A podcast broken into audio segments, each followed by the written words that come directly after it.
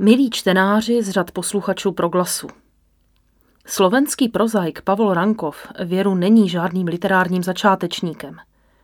Jeho prózy se čtou a reflektují nejen na sousedním Slovensku, ale, jak o tom svědčí středoevropská literární cena Angelus, udělená roku 2014 a překlady do řady cizích jazyků, Rankovovi může dobře rozumět v podstatě jakýkoliv Evropan, slušně poučený o dějinách posledních 70-80 let. Je tedy v celku logické, že počínaje rokem 2013 vychází zásluhou nakladatelství Host už třetí jeho román v češtině. V následujících minutách se pokusím nastínit, proč by nás mohla zajímat i na Slovensku v loni, v Čechách letos vydaná Legenda o jazyku s podtitulem Nepomucký 1972. 55-letý Rankov, jinak vysokoškolský učitel v oboru knihovnictví, moc dobře ví, jak by měla fungovat struktura prozaického textu.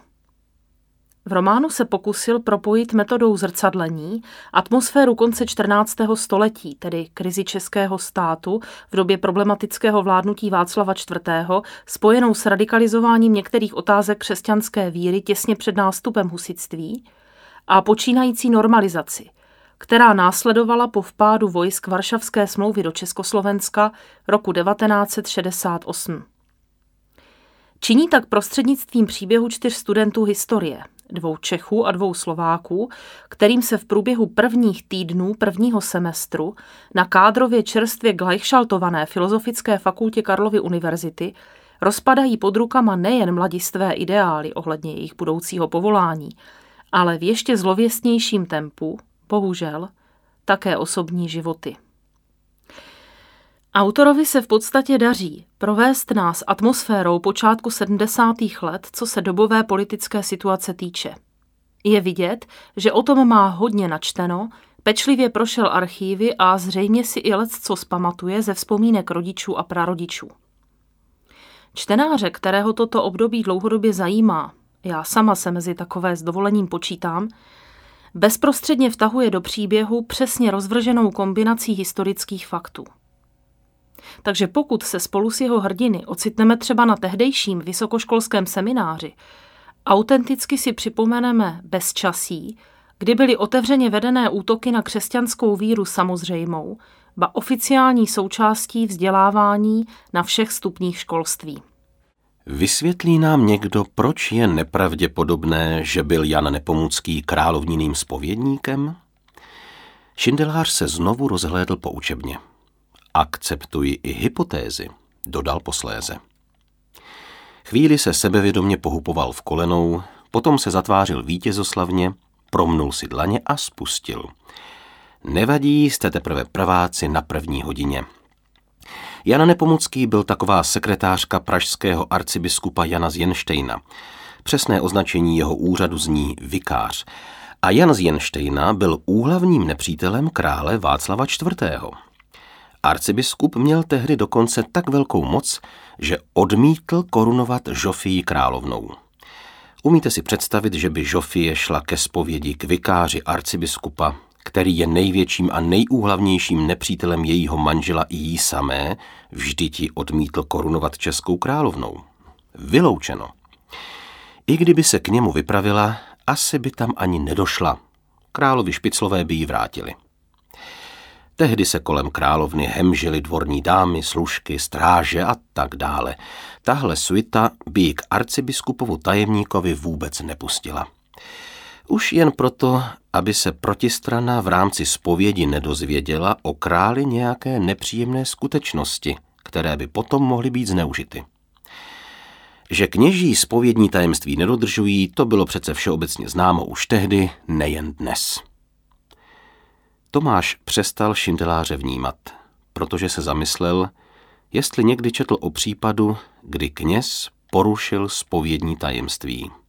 Řekl si, že se na to musí zeptat matky. Rankov spolehlivě ovládá prostředky, jak důvěryhodně rozehrát takřka detektivní zápletku. Setkání s tajemným francouzem, který se co by mladý lékař na stáži angažuje v antropologickém zkoumání nepomuckého ostatku, Pátrání mladíčkých hrdinů po původu legendy o tomto svědci po knihovnách a archivech To vše zasazeno do dobových kulis, vyjádřených obligátně třeba poslechem v uvozovkách zakázané hudby. Inu, ano, dobře to zapadá, skoro jako do skládačky.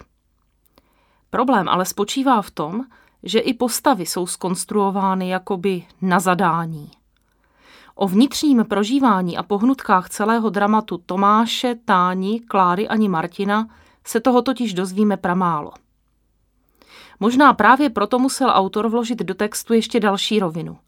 Postavu pomatené a osamělé tetičky, vykreslenou o čtyři dekády později, než se odehrává hlavní dějová linie, v níž na první dobrou snadno rozeznáme jednu z původních hrdinek. Pavel Rankov v rozhovoru pro slovenský deník Smena připouští, že si na ní chtěl vyzkoušet typ takzvaného nedůvěryhodného vypravěče. Jenže kámen úrazu spočívá v tom, že takové pasáže působí jako slohové cvičení na téma, jak se asi chová psychicky nemocný člověk, takže autorovi při nich sice uvěříme v celku zdařilou, záměrně rozškobrtanou stylistiku, nikoli však sám tetiččin příběh. Ale abych jen nevytýkala. Autorovi se nakonec podaří dotáhnout celé vyprávění do poenty, která přes výše uvedené výhrady jistou působivost má. Už třeba z toho důvodu, že v českém prostředí prakticky nevznikají prózy, které by si troufly zpětně tematizovat zápasy, které vedly věřící křesťané s komunistickou ideologií. V tmavém koutě měla místnost výklenek, kde se pravděpodobně nacházela skříň. Ozvalo se zaskřípání a zabouchnutí. Kapitán se vrátil s obuškem. Táňa se znovu začala na židli vzpínat – jinak odpor projevit nedokázala. Kapitán si pendrek zastrčil vzadu za opasek.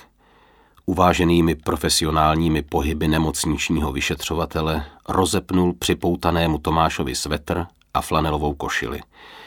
Jejich konce mu zavázal vzadu na krku.